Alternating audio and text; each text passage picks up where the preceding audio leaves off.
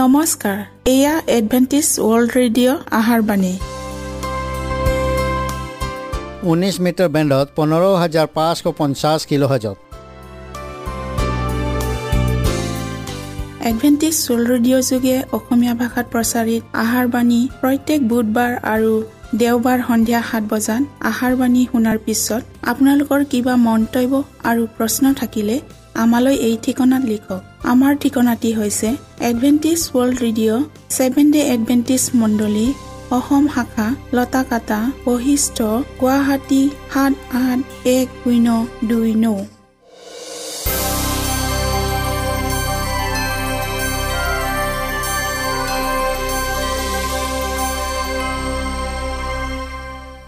প্ৰিয় শ্ৰোতা বন্ধুসকল এতিয়া শুনো আহক এটি খ্ৰীষ্টীয় ধৰ্মীয় গীত। অন্তৰ্জামী প্ৰভু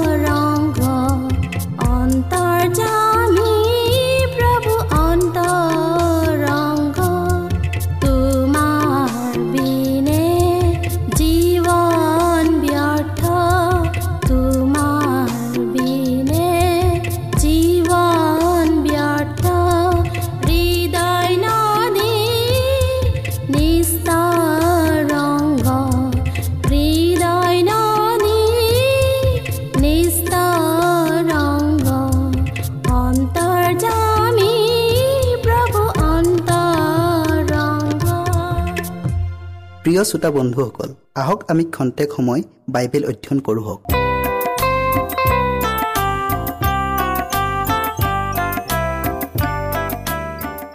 প্ৰিয় শ্ৰোতাসকল নমস্কাৰ। আজি আমি যোৱা অনুষ্ঠানৰ বাকী অংশ কোজাতেহে দিয়া হ'ব। এই বিষয়টোলৈ অধ্যয়ন কৰিবলৈ আকৌ আগবঢ়াইছোঁ।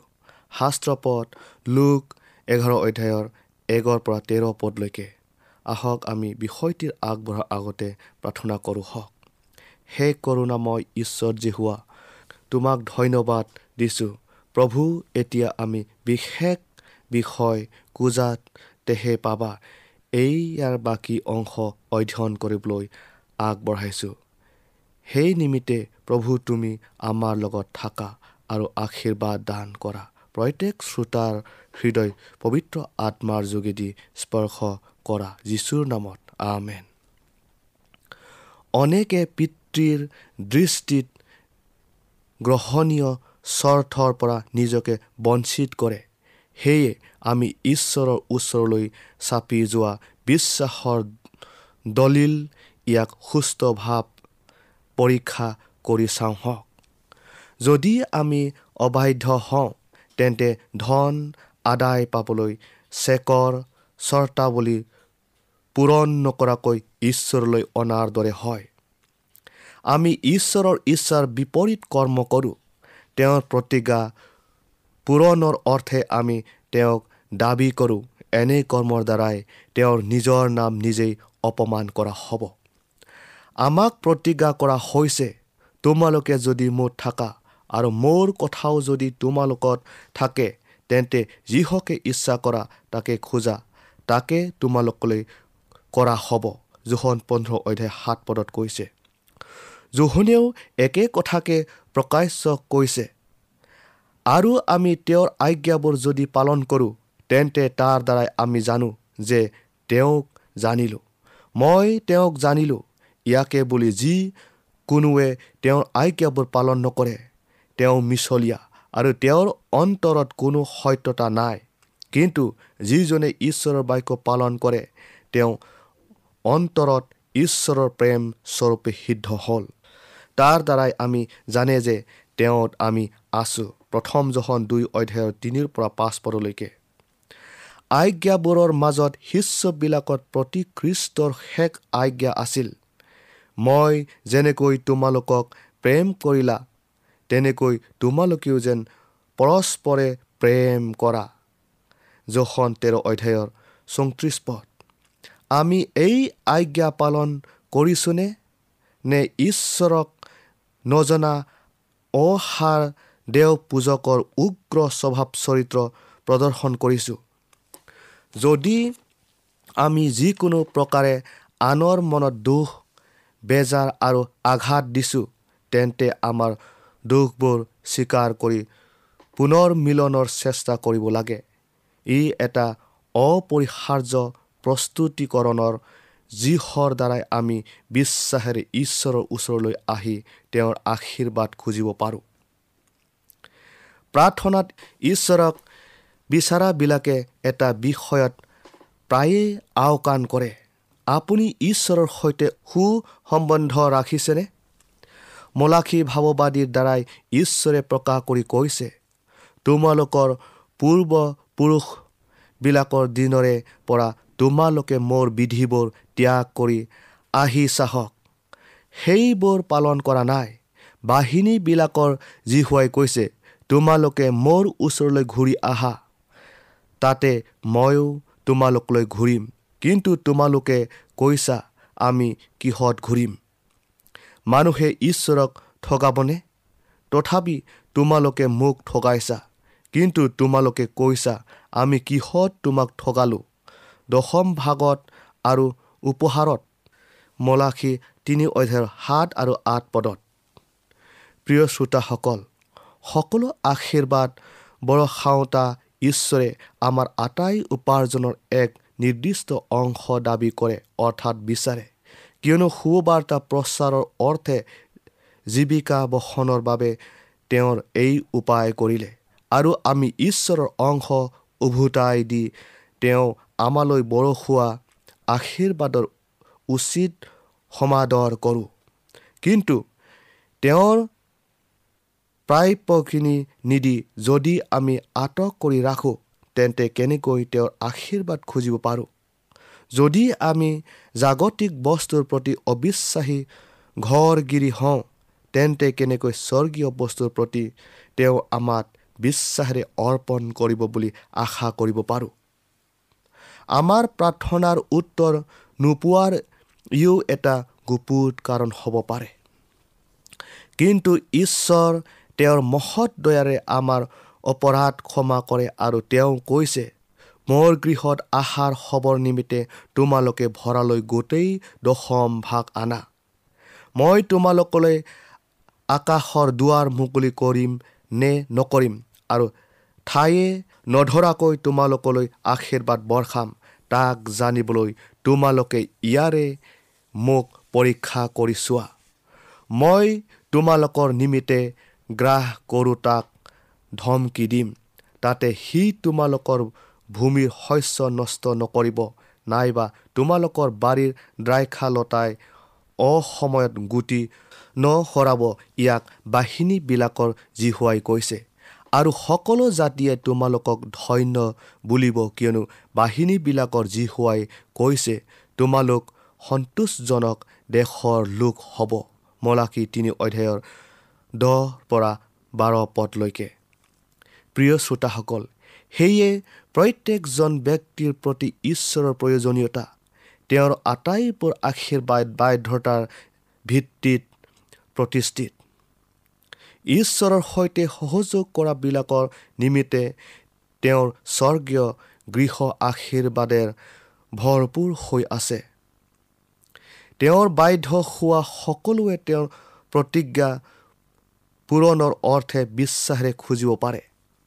কিন্তু ইয়াৰ পূৰ্বে আমি ঈশ্বৰৰ প্ৰতি দৃঢ় আৰু অবিচলিত বিশ্বাস দেখুৱাব লাগে। তেওঁ কেতিয়াবা আমাৰ বিশ্বাস পৰীক্ষা কৰিব খোজা বস্তুটো প্ৰকৃতপক্ষে প্ৰয়োজনীয় হয়নে নহয় তাৰ বাবে প্ৰাৰ্থনাৰ উত্তৰ দিয়াত পলম হয়। তেওঁৰ কোৱা বাক্যৰ প্ৰতি বিশ্বাস ৰাখি দৃঢ় মনেৰে খোজাজনক নিৰাশ নকৰে। ঈশ্বৰে কোৱা নাই এবাৰ খোজা তেহে তুমি পাবা। তেওঁ আমাক অক্লান্তভাৱে প্ৰাৰ্থনাত ৰদ হৈ খুজিবলৈ কৈছে। একেৰাহে খুজি থকা আবেদনকাৰীজনৰ মনোবল বৃদ্ধি পায়। কাৰণ তেওঁ যি খুজিছে সেয়া পাব ইয়াৰ কাৰণে নিশ্চিত। কৃষ্টই লাজাৰৰ কবৰৰ কাষত মাৰ্থাক কৈছিল যদি বিশ্বাস কৰা তেন্তে ঈশ্বৰৰ মহিমা দেখিবলৈ পাবা জোহন এঘাৰ অধ্যায়ৰ চল্লিছ পদত। কিন্তু অনেক লোকৰ তেনে জীৱিত বিশ্বাস নাই। সেয়ে তেওঁলোকে ঈশ্বৰৰ পৰাক্ৰম দেখি নাপায়। তেওঁলোকৰ সেই দুৰ্বলতাই তেওঁলোকৰ অবিশ্বাস পৰিণাম। ঈশ্বৰে তেওঁলোকৰ প্ৰতি কৰা কাৰ্যতকৈ নিজে নিজৰ নিমিত্তে কৰা কাৰ্যৰ প্ৰতি আস্থা প্ৰবল। তেওঁলোকে নিজক লৈয়ে ব্যস্ত হৈ থাকে। তেওঁলোকে নানা আঁচনি আৰু নানা কৌশল উদ্ভাৱন কৰি নিজৰ নিজৰ পাৰদৰ্শিতা দেখুৱায়। কিন্তু প্ৰাৰ্থনা আৰু ঈশ্বৰৰ প্ৰতি আস্থাবিহীন জীৱন অতিবাহিত কৰে। তেওঁলোকে ভাবে তেওঁলোকৰ বিশ্বাস আছে। এয়া ক্ষণস্থায়ী মনৰ আৱেগহে। এই হেতুকে নিজৰ প্ৰয়োজন বোধত অকৃতকাৰ্য হয় বা ঈশ্বৰৰ দিয়াৰ ইচ্ছুকতা জানিও প্ৰাপ্যখিনিৰ বাবে আবেদন নকৰে। প্ৰয়োজনত পৰি বাধ্য হৈ মাছ নিশা ৰুটি ধাৰ লৈ খোজা বন্ধুজনৰ দৰে আমাৰ প্ৰাৰ্থনা দৃঢ় আৰু স্থিৰ সংকল্প হ'ব লাগে। যিমানেই স্থিৰ আৰু দৃঢ় মনেৰে খোজা সিমানেই আমাক কৃষ্টৰ সৈতে আত্মিক সান্নিধ্যলৈ চপাই আনে। ফলত আমাৰ বিশ্বাস বাঢ়ি যোৱাত তেওঁৰ পৰা অধিক পৰিমাণে আশীৰ্বাদ প্ৰাপ্ত হ'ম।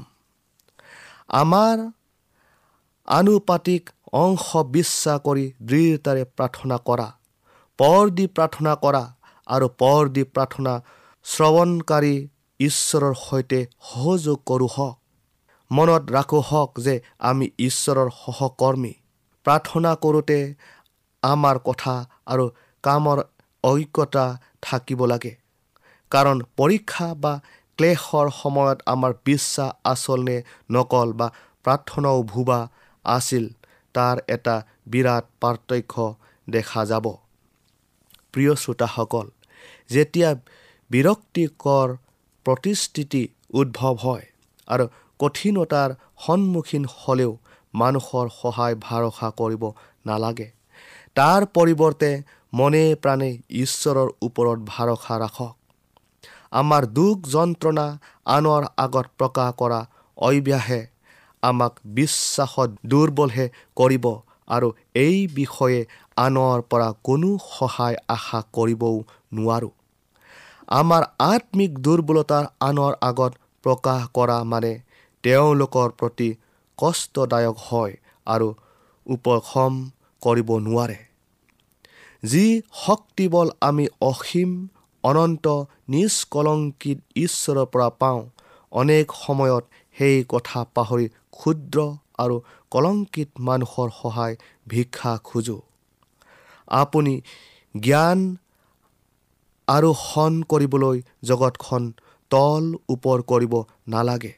প্ৰকৃত জ্ঞান দিওঁতা ঈশ্বৰ আপোনাৰ নিচেই কাষতে আছে।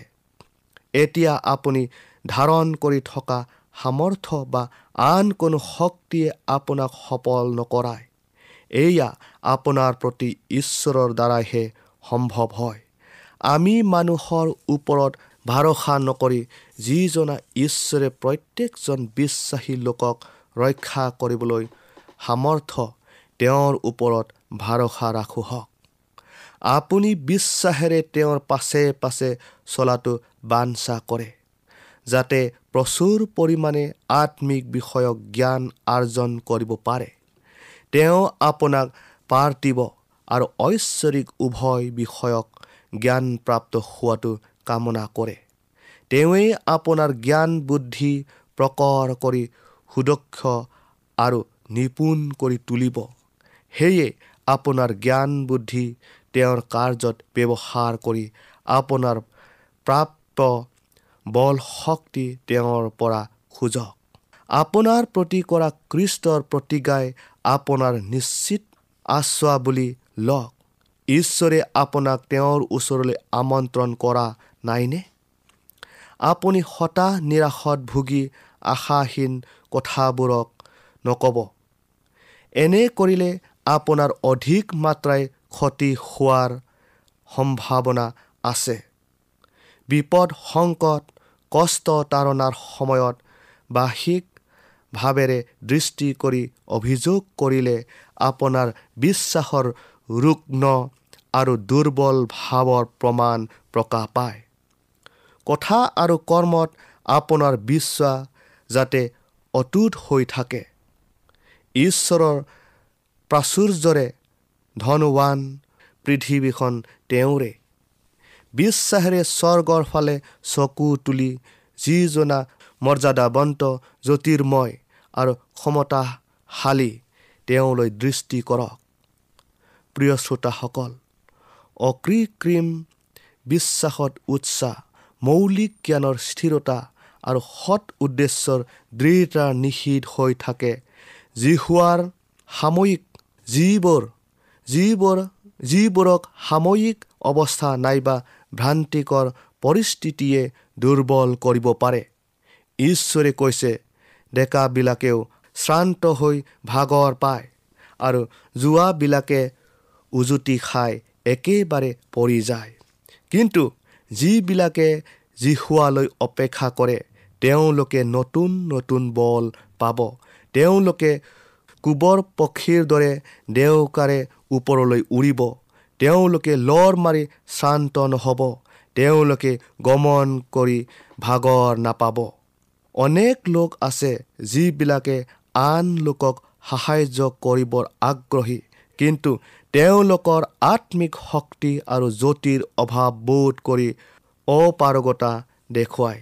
এনে ব্যক্তিসকলে অনুগ্ৰহৰ সিংহাসনৰ আগত নিজৰ নিজৰ দুৰ্বলতা স্বীকাৰ কৰি আবেদন কৰক। পবিত্ৰ আত্মাৰ শক্তি খোজক। ঈশ্বৰে কৰা প্ৰত্যেকটো প্ৰতিজ্ঞা তেওঁ সিদ্ধ কৰিবলৈ দৃঢ় মনা। আপুনি আপোনাৰ ধৰ্ম শাস্ত্ৰখন হাতত লৈ কওক প্ৰভু তুমি কোৱা অনুসাৰে মই কৰিলোঁ। এতেকে তোমাৰ প্ৰতিজ্ঞা মই পুনৰ দোহাৰো। খোজা তেহে তোমালোকক দিয়া হ'ব বিচাৰা তেহে পাবা ঠুকুৰিওৱা তেহে তোমালোকলৈ দুৱাৰ মুকলি কৰা হ'ব। প্ৰিয় শ্ৰোতাসকল ঈশ্বৰৰ মহৎ গুণবোৰে আপোনাৰ মনত বিৰাজ কৰক। আপোনাৰ জীৱন যীশুৰ জীৱনৰ সৈতে অদৃশ্য জৰিৰে বন্ধা হৈ অটুট থাকক। যিজনাই অন্ধকাৰৰ মাজত পোহৰ হ'ব আদে দিলে তেওঁৱে যীশুখ্ৰীষ্টৰ মুখমণ্ডলত প্ৰতিফলিত হোৱা ঈশ্বৰৰ মহিমাৰ জ্ঞানৰ জ্যোতিৰে আপোনাৰ অন্তৰ উজ্বলাবৰ ইচ্ছুক। পবিত্ৰ আত্মাই ঈশ্বৰৰ বৰবোৰ লৈ সেইবোৰ আজ্ঞাব অন্তৰৰ প্ৰদান কৰি সেইবোৰৰ জীৱন্ত ক্ষমতা আপোনাক দেখুৱাব।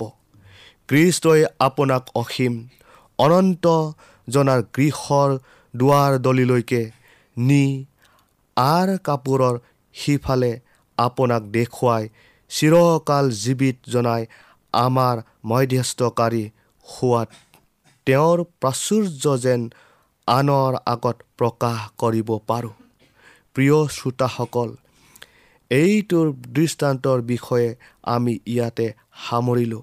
অহা অনুষ্ঠানত আমি নতুন দৃষ্টান্তত আগবাঢ়িম হওক। আশা কৰোঁ আপোনালোকে শুনিবলৈ নেপাহৰিব। ঈশ্বৰৰ আশীৰ্বাদ আপোনাৰ লগত থাকক।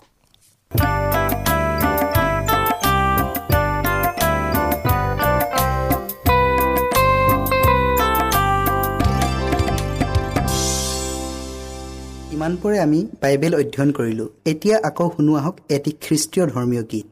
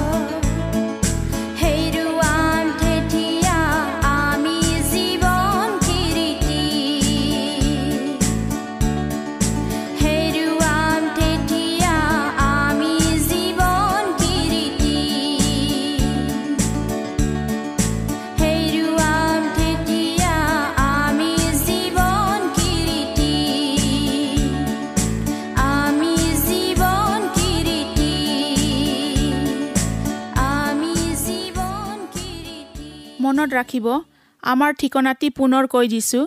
Adventist world radio' Assam region of seven day Adventist voice of hope Lotakata Basistha Guwahati seven eight one zero' two nine প্ৰিয় শ্ৰোতা বন্ধুসকল এডভেণ্টিজ ৱৰ্ল্ড ৰেডিঅ' যোগে আহাৰবাণী প্ৰচাৰত আপোনালোকক পুনৰ লগ পোৱাৰ আহাৰে আজিলৈ সামৰিলোঁ।